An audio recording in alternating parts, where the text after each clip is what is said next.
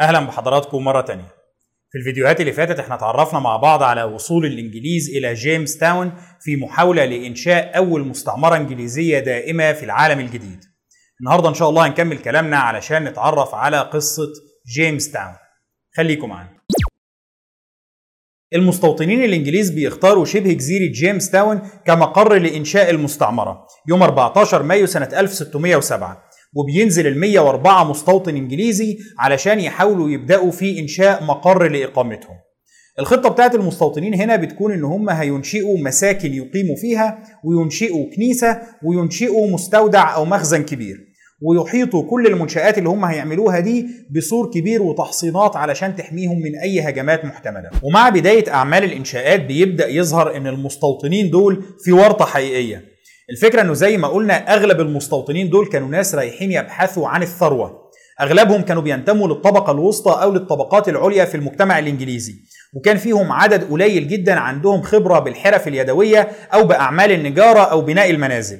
وبالتالي لما بيبدأوا يحاولوا ينشئوا المساكن بتاعتهم بيبدأ يظهر إنه لا مفيش حد هنا نقدر نعتمد عليه أو على الأقل مفيش أعداد كافية من المستوطنين نقدر نعتمد عليهم في الإنشاءات وفي الأعمال دي. ده بيوضح إنه شركة لندن لو عايزة في المستقبل المستعمرة دي تنمو وتزدهر ويكون ليها مستقبل لازم تدور على ناس عندهم خبرة في حرف وفي أعمال يدوية معينة. ده مش المكان المناسب اللي تجيب لي فيه واحد إنجليزي من الطبقة العليا كان عايش طول حياته على ريع الأرض اللي بيملكها وتقول له أنت جاي هنا علشان تستعمر الأرض دي. هو ما عندوش المهارات الكافية اللي يقدر يستعمر بيها الأرض دي. إحنا عايزين نجارين وبنايين وحرفيين من جميع المجالات. الناس اللي ممكن نبني بيهم مستعمرة بالفعل. ولكن عموما المستوطنين بيضطروا يتجاهلوا كل العوامل دي لأنه بعد أقل من أسبوعين على وصولهم بيتعرضوا لهجوم من السكان الأصليين. في الهجوم ده بيتقتل واحد من المستوطنين وبيتجرح 11 واحد. وده كان رقم خسائر مرتفع جدا بالنسبة لمستعمرة مكونة أول عن آخر من 104 فرد. وعلشان كده كل المستوطنين بيشتغلوا مع بعض لحد ما بعد أقل من شهر على وصولهم بيكون بالفعل تم الانتهاء من أغلب الإنشاءات دي. خلاص بقى في مجموعة من المنازل أو المساكن اللي يقدروا يعيشوا فيها وبقى عندهم كنيسة اللي هي كنيسة جيمس تاون وبقى في سور من الدفاعات والتحصينات محيط بكل المباني دي مع بعضها. بالمناسبة كنيسة جيمس تاون كانت كنيسة تابعة للكنيسة الأنجليكانية اللي هي الكنيسة الرسمية للدولة الإنجليزية في الوقت ده. ده معناه إن المستوطنين اللي راحوا في مستعمرة جيمس تاون كانوا بيدينوا بالدين الرسمي للدولة الإنجليزية. ده برضه معناه إن الناس دول ما كانوش بيتعرضوا لأي نوع من الاضطهاد في إنجلترا. الدين اللي هم بيدينوا بيه كان هو الدين الرسمي أو المذهب الرسمي للدولة. وبالتالي الناس دول ما كانش عندهم أي مشاكل دينية في إنجلترا. ده بيؤكد اللي إحنا قلناه في الفيديو اللي فات إنه الدوافع الرئيسية للناس اللي هاجروا جيمس تاون كانت البحث عن الربح. الوضع ده هيكون مختلف تماما زي ما هنشوف بعد كده في المستوطنين اللي هيروحوا مناطق زي ماساتشوستس ومنطقة نيو إنجلاند. المستوطنين اللي هيروحوا هناك هيكون لهم دوافع تانية متعلقة بالاضطهاد الديني. ولكن ده إحنا هنتناوله في موضوع إن شاء الله. ولكن خلاص كده بقى عندنا مستعمرة حقيقية اسمها جيمس تاون بقى عندنا مستوطنة وفيها ناس عايشين وفي مساكن وحواليها تحصينات. ولكن بمجرد المستوطنين ما بيستقروا في المنطقة دي بيبدأ يظهر المشكلة التانية. إحنا قلنا في الفيديو اللي فات إن كان من الأسباب اللي خلت المستوطنين يفضلوا السكن في جيمس تاون ويختاروا شبه الجزيرة دي علشان تبقى مقر لإقامتهم هو إنه شبه الجزيرة دي كانت فاضية تماما ما كانش فيها أي سكان وده خلاهم يفضلوا إن هم يسكنوا فيها علشان ما يحتكوش بالبوهتان ولكن بعد مرور شهر وبعد الانتهاء من الأعمال بتاعة الإنشاءات دي بتبدأ تظهر الأسباب اللي خلت البوهتان ما يسكنوش أصلا في المنطقة دي. بيبدأ الانجليز يكتشفوا ليه البوهتان سابوا المنطقة دي فارغة تماما. الإنجليز هنا بيكتشفوا إنه شبه جزيرة جيمس تاون اللي هي حاليا جزيرة جيمس تاون لأن هي في الوقت الحالي انفصلت تماما عن اليابسة كانت عبارة عن منطقة مليئة بالمستنقعات.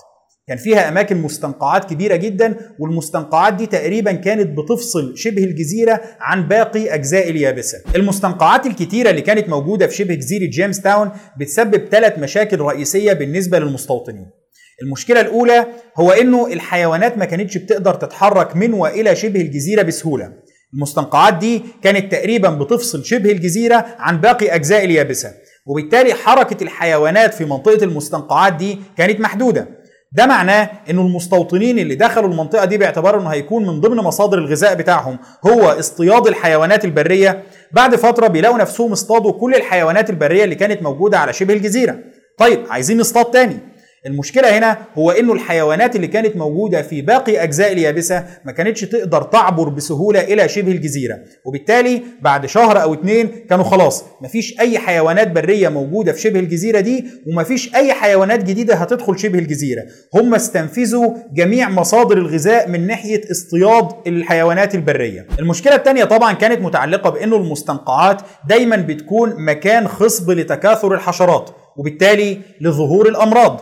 المستنقعات دي كانت مورد خصب للملاريا اللي بتصيب عدد كبير جدا من المستوطنين دول. طبعا إصابة المستوطنين بالملاريا كان معناه إنه يا إما هيموت بسبب الملاريا يا إما حتى لو كان مصاب وما ماتش فهيخرج من حسبة الأيدي العاملة.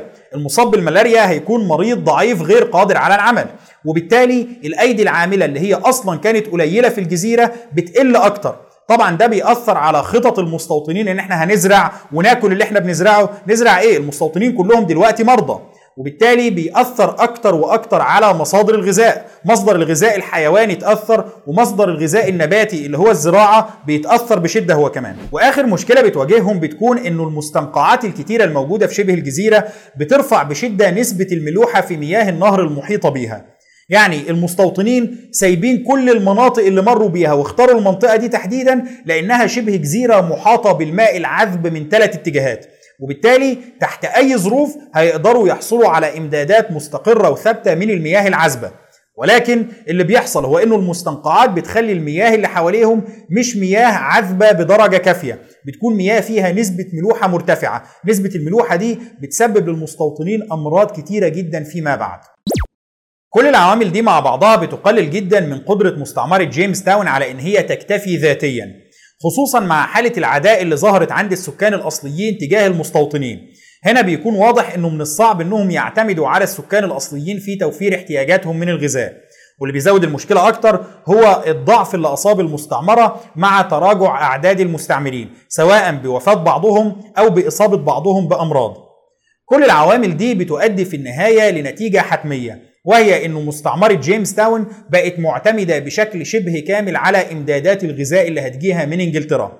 بقت معتمدة عليها بدرجة تكاد تقارب مستعمرة رونوك أو ربما تفوق مستعمرة رونوك. ولكن مع فارق مهم.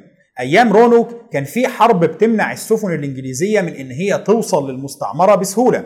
كان في حرب وكان في سفن أسبانية بتصطاد أي سفينة إنجليزية في البحر. ولكن دلوقتي مفيش حالة حرب. وبالتالي عادي جدا إن السفن الإنجليزية تحمل إمدادات ومؤن بشكل منتظم من إنجلترا إلى المستعمرة.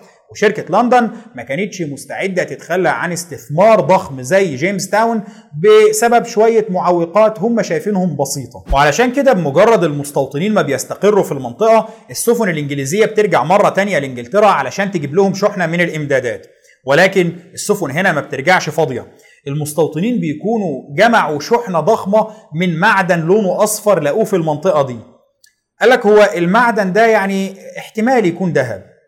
هو الصراحة شكله مش ذهب قوي بس يعني إن شاء الله هيطلع ذهب. مش هو أصفر؟ أكيد هيبقى ذهب بس يعني في شوية شوائب.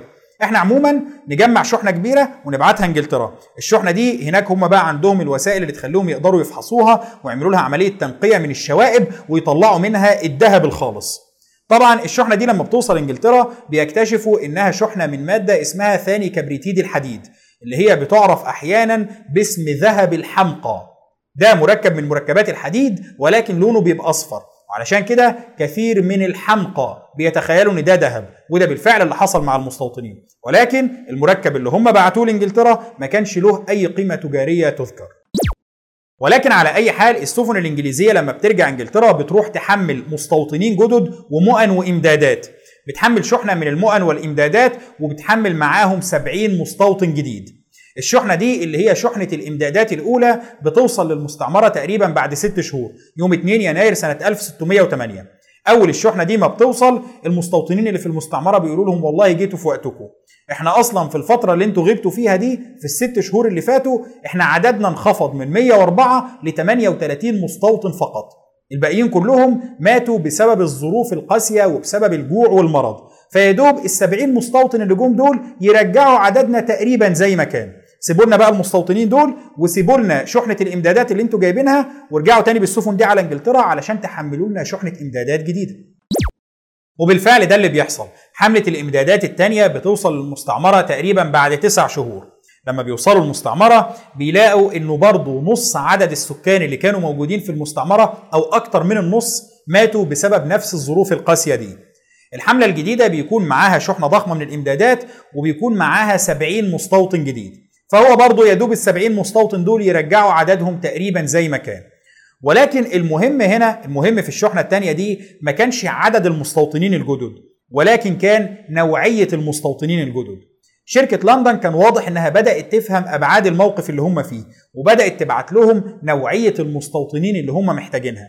لأول مرة بيجي حرفيين على درجة عالية من المهارة منهم النجار ومنهم اللي بيصنع الزجاج ومنهم اللي هم بيعملوا صابون. مجموعة متنوعة من الحرفيين كان الهدف من وجودهم مش بس إن هم يدعموا المستعمرة في أعمال الإنشاءات وفي أعمال محاولة التعايش في المنطقة ولكن كمان كان الهدف من وجودهم إن هم ينشئوا صناعات أو حرف في المنطقة دي وينتجوا منتجات وسلع نقدر نبيعها في أوروبا وبالتالي المستعمرة دي تولد أرباح. الفكرة إن المساهمين أو المستثمرين في شركة لندن ما كانش عندهم استعداد إن هم يصرفوا على حملة ورا الثانية ورا الثالثه بدون ما يشوفوا أي نوع من أنواع الدخل اللي داخل الشركة بتاعتهم دي.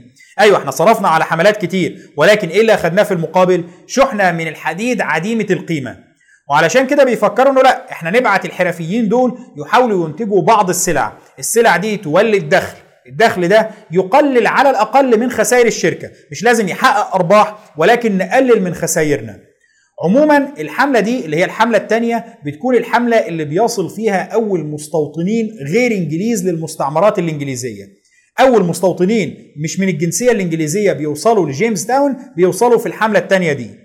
المستوطنين دول بيكون في خلاف على أصلهم. هل هم ألمان ولا بولنديين ولا هولنديين اللي بيزود اللخبطة بخصوص أصل المستعمرين دول هو إنه في الفترة دي ما كانش في دولة اسمها ألمانيا بل إنه حتى بروسيا ما كانتش لسه اتحدت مع براندنبرج وبالتالي في الوقت ده دولة بروسيا كانت أقرب للجانب البولندي منها للجانب الألماني.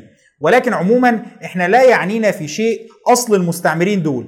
قدر ما يعنينا إن دول اول مستعمرين غير إنجليز أو أجانب يوصلوا للمستعمرات الإنجليزية. طيب وبرضه إيه يعني؟ يعني إيه المشكلة إنه دول إنجليز ولا غير إنجليز؟ هتفرق معانا في إيه؟ هو الفرق ما بيحصلش في الوقت ده. الفرق بيحصل تقريبا بعد 10 سنين سنة 1619 في السنة دي بيتعمل انتخابات في جيمس تاون علشان يختاروا القادة بتوع المستعمرة والممثلين عن أهلها. وهنا بتكون الخطة الأساسية هو إنه حق التصويت في الانتخابات دي هيكون حق حصري للمواطنين الإنجليز. المستعمرة دي مستعمرة إنجليزية تابعة لإنجلترا. وبالتالي ما دام هنعمل فيها انتخابات الانتخابات دي هيكون حق التصويت فيها قاصر على المواطنين الإنجليز. أما غير الإنجليز فدول ضيوف في المستعمرة يعيشوا فيها ويشتغلوا فيها أهلا وسهلا على رأسنا بس ما لهمش حق التصويت. ولكن اللي بيحصل هنا هو إنه العمال والحرفيين الأجانب دول بيقولوا لهم يعني إحنا قاعدين في المستعمرة وملناش الحق في الإدلاء بصوتنا في شؤون المستعمرة دي. طيب خلاص ما دام حق التصويت مكفول للمواطن الإنجليزي فقط اتفضل بقى يا سمو المواطن الإنجليزي اشتغل أنت وورينا هتعمل إيه في الحرف اللي إحنا شغالين فيها دي. ورينا أنت بقى هتعمل الزجاج إزاي وهتعمل الصابون إزاي وهتشتغل في النجارة إزاي. وهنا بيحصل أول إضراب عن العمل في تاريخ الولايات المتحدة الأمريكية أو في الوقت ده في تاريخ المستعمرات الإنجليزية اللي كانت موجودة في العالم الجديد. الجميل هنا هو إنه الإضراب ده بيجيب نتيجة فعلا لأنه الإنجليز وقادة المستعمرة بيلاقوا إنه لأ إحنا ما ينفعش نستغنى عن الناس دول وما ينفعش الناس دول يوقفوا شغل. وعلشان كده بيتراجعوا عن تفكيرهم الأول وبيقرروا إن هم يمنحوا حق التصويت في الانتخابات لكل العاملين والمقيمين في المستعمرات. بغض النظر عن أصولهم. طبعا النقطة دي نقطة ضمان حق التصويت لكل الناس بغض النظر عن جنسيتهم هي اللي بتساهم بعد كده في ازدهار المستعمرات دي بشدة. لأنه أي مواطن من أي دولة أوروبية كان يقدر يروح يعيش في المستعمرات دي ويتمتع فيها بحقوق كاملة. عموما نرجع لسنة 1608 وللمستوطنين والمستعمرين الجدد اللي وصلوا لجيمس تاون الحملة دي برضو اللي هي حملة الإمدادات الثانية بتكون أول حملة بيصل فيها نساء إلى مستعمرة جيمس تاون لما واحد من المستوطنين اللي جايين على متن الحملة دي بيجيب معاه زوجته والخادمة بتاعتها. ولكن عموما الحملة بتوصل والمستوطنين دول بيبدأوا يندمجوا فيها والإمدادات اللي كانت جاية مع الحملة كانت إمدادات كويسة. وعلشان كده بيتم استغلال الإمدادات دي في محاولة النهوض بالمستعمرة. طيب هننهض بالمستعمرة دي اللي هو هنعمل إيه يعني؟ بيقول لك لازم نبدأ ننتج بعض السلع والمنتجات علشان السلع والمنتجات دي تتباع وتوفر دخل والدخل ده نقدر نستغله في النهوض بالمستعمرة وإن إحنا نكبرها ونعمل المستعمرة دي أكبر مستعمرة في العالم الجديد. وبناء على الفكرة دي بيتم إنشاء ورشة لتصنيع الزجاج اللي هي بيتم اعتبارها حاليا أول مصنع تم إنشاؤه في تاريخ أمريكا. أول مصنع بدائي تم إنشاؤه في تاريخ أمريكا.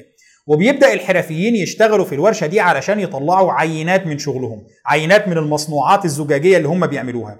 بالإضافة طبعا لباقي الحرفيين اللي بيعملوا عينات من شغلهم في المصنوعات الخشبية وفي الصابون. كل العينات دي بيتم تحميلها على السفن الإنجليزية اللي بترجع مرة تانية لإنجلترا علشان تتسوق في أوروبا وتتباع هناك.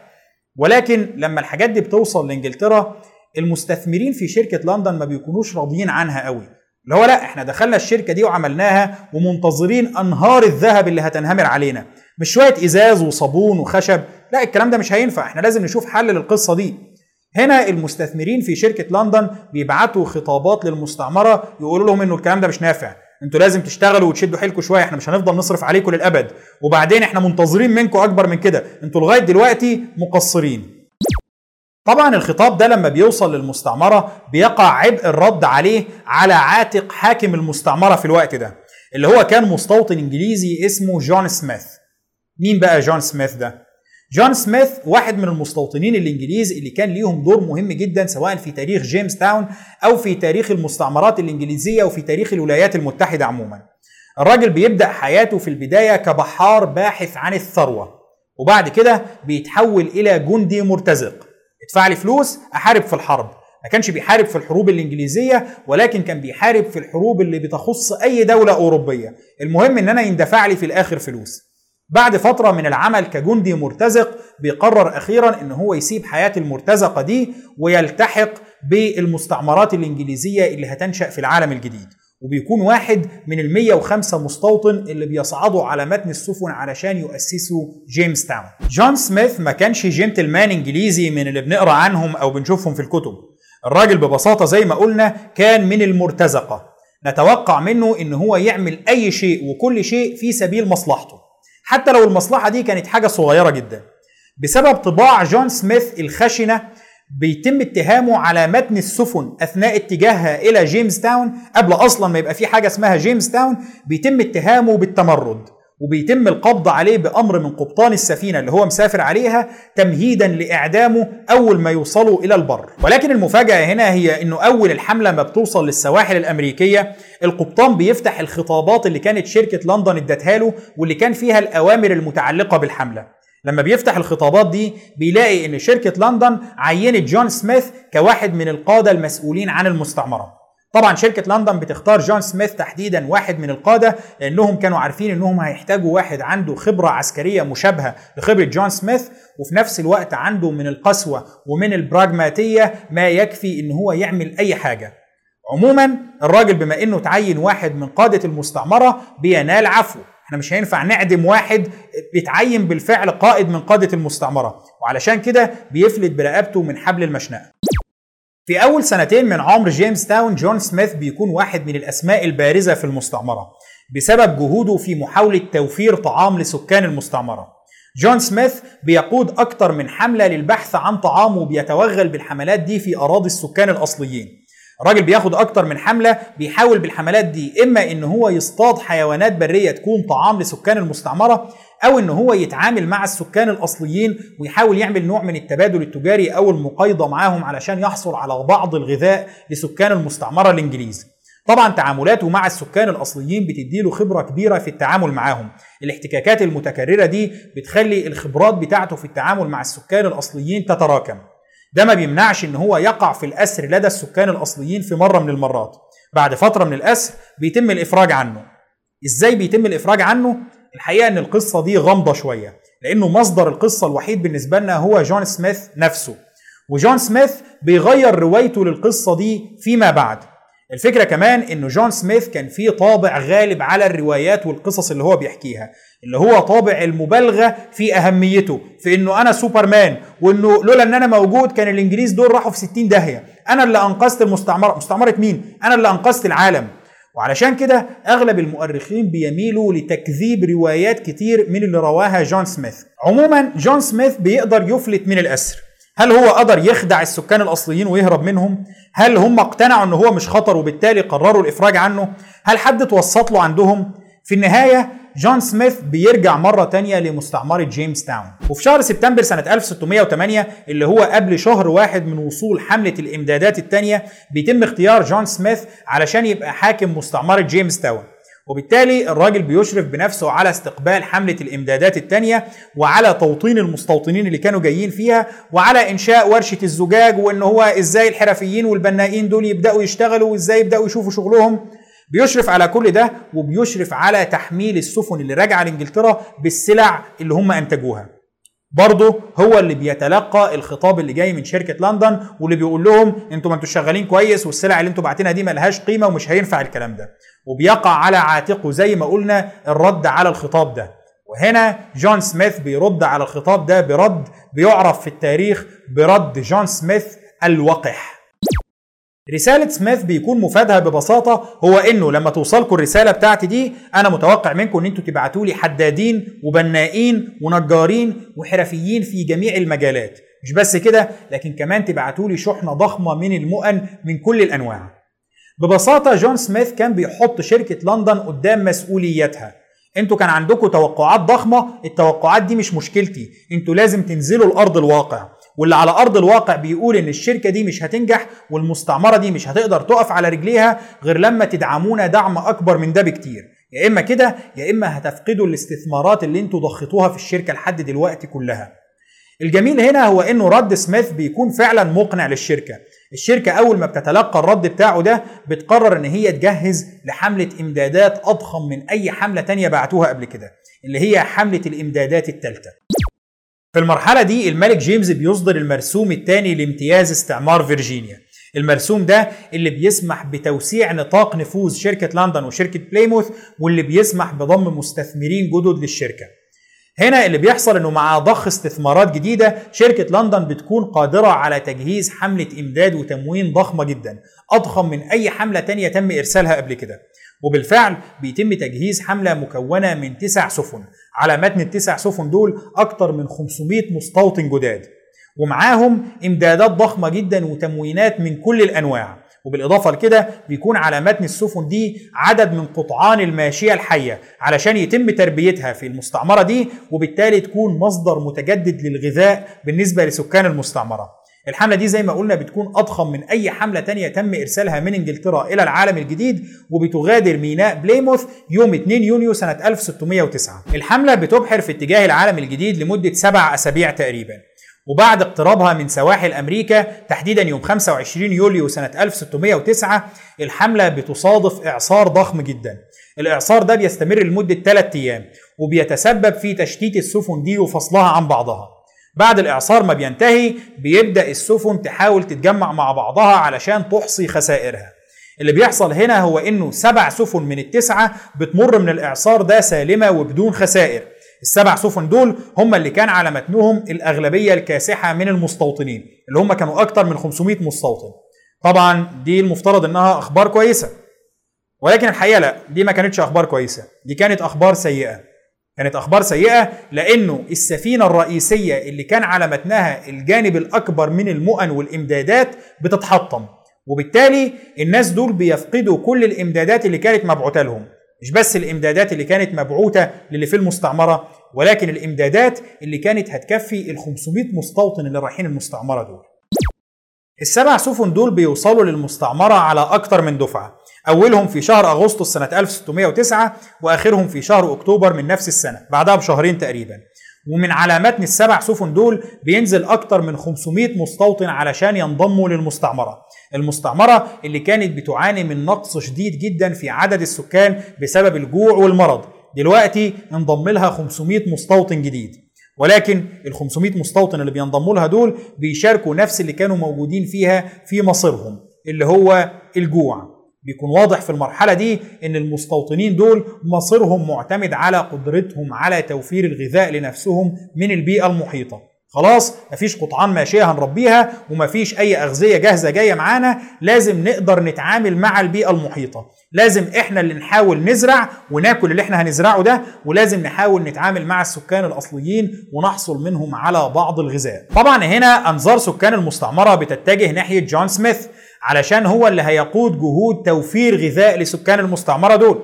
الراجل ده عنده خبرة عسكرية وعنده خبرة كبيرة في الاحتكاك مع السكان الأصليين. بقاله سنتين عايش في المستعمرة دي وهو اللي كان بيقود أغلب الحملات اللي بتخرج للبحث عن غذاء. الكلام ده لما كان عددهم أقل من 100 دلوقتي لما عددهم بقى أكتر من 500 لازم الجهود دي تتضاعف بشكل كبير جدا علشان نقدر نوفر غذاء للناس دي. ولكن المشكلة هنا هو إنه جون سميث نفسه أثناء واحدة من حملاته للبحث عن غذاء بيكون شايل معاه بارود. البارود ده بينفجر بشكل عارض وبيصيب جون سميث نفسه بجروح ضخمة جدا. هنا بيبقى واضح جدا إن جون سميث بقى عاجز عن أداء مهامه. وبيتقرر إن هو هيرجع لإنجلترا على متن السفن العائدة علشان يتعالج هناك. طيب والمستعمرة؟ المستعمرة بيكون فيها أكتر من 500 مستوطن ولكن بدون غذاء كافي بدون زراعة تقدر تكفيهم وبدون علاقات جيدة مع السكان الأصليين وبدون قيادة قوية. السكان دول بيكون مطلوب منهم إن هم يعتمدوا على نفسهم علشان يقدروا يوفروا الغذاء الكافي ليهم ويقدروا يعبروا بسلام فترة الشتاء. لأن السفن اللي هترجع إنجلترا دي على ما تقدر تحمل من هناك مؤن وترجع لهم مرة تانية مش هترجع إلا في الربيع. فترة الشتاء القاسي دي كان لازم المستوطنين يحاولوا إن هم يعبروها. هل المستوطنين هينجحوا في ده ولا لا؟ ده اللي هنتكلم عنه المرة اللي جاية إن شاء الله. شكرا لحضراتكم وإن شاء الله نكمل كلامنا الأسبوع اللي جاي.